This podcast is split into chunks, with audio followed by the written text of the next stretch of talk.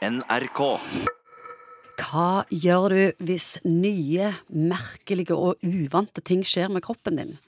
Noe er definitivt ikke som det skal være. Jo, du går på Google, og der skriver du inn symptomene for å finne svar. Og Morten Munkvik, hva skjer da? Det som kommer øverst først, er det mest alvorlige, og det du dør av raskest. Ja. Det er det som kommer først. De fleste pasientene er oppmerksom på at eh, Google og internett har en viss vekting av svar som går i en dramatisk retning. De skriver inn et symptom, vondt i magen, da har du, da har du kreft der. Eh, Du har hodepine, da er det kreft i hodet. Altså Det er den typen svar du får, og det gjør folk engstelige. Men så er det en del som kommer som har symptomer som er vriene å forstå seg på, så har de gjort en ganske god jobb faktisk i forkant, og søkt og styrt og har gode tanker om hva dette her rent faktisk kan være. Og det er jo ikke dumt. Nei, så leger har egentlig ikke noe negativt forhold til dr. Google? Nei, altså i det store og det hele, hvis du får korrigert vekk de som er engstelige og har problemer med å slå seg til ro med at dette her er nok egentlig ikke farlig, så er det ikke problem med dr. Google. Men noen klarer jo ikke å slå seg til ro med at dette er ikke noe. Vi trenger ikke å ta CT, MR eller få spesialistene til å se på dette her.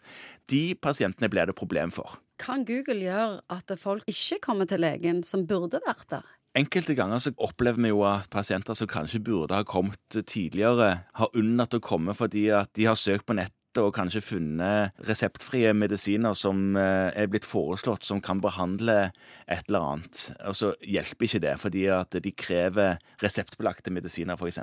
Det, det skjer jo, men det, kan òg sikkert finnes eksempler på folk som har slått seg til ro med ting de har funnet på nettet og ikke kommet, og så har det blitt oversett, eller i alle fall forlenga tiden før en har fått en diagnose som burde vært behandla tidligere. Hva tror du er den vanligste årsaken til folk ikke kommer til legen? Jeg tror kanskje den vanligste årsaken til at folk ikke kommer, er fordi de tenker at dette er ikke noe en lege kan hjelpe meg med. Dette her er en banal problemstilling, eller dette kan jeg fikse sjøl. Hvis du har en Ferrari til mange millioner, så googler du ikke for å finne ut hvordan du skal fikse den. Nei, det er helt sant. Det gjør nok folk ikke.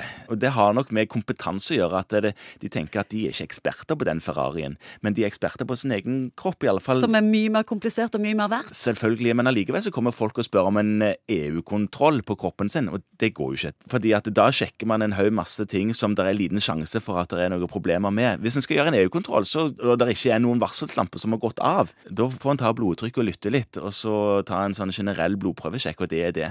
De fleste går jo på Google og sjekker hvis de feiler noe.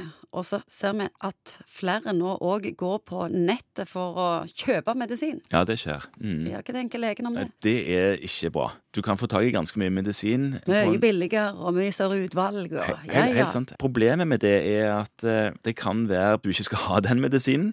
At det ikke behandler lidelsen du har, eller tror du har. Og det kan òg være at den har interaksjoner, altså bivirkninger sammen med andre medisiner du kanskje bruker, eller helt alene, som kan være potensielt sett veldig alvorlige og farlige. I tillegg så er det jo òg noen ganger du får medisin som ikke er det du har bestilt. Det bare er en pille med svindel. Ja, piller med tøys. Ja, hvordan ønsker legen at vi skal bruke Dr. Google?